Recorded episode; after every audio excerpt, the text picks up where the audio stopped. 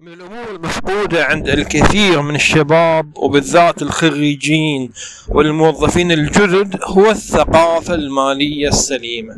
الكثير يقع في مشاكل مع القروض وبطاقات الائتمان. شراء الكماليات ويدفع ثمن ذلك سنوات من حياته أو يدفع ثمن ذلك بقائه في السجن لسنوات ومعاناته مع المحاكم. هذا الموضوع ينبغي على الخبراء والمختصين العناية به وينبغي على كل خريج وكل موظف جديد الحرص على تعلم إدارة المال بالشكل الصحيح ليتجنب الوقوع في الكثير من المشكلات التي وقع فيها من سبقه من الموظفين.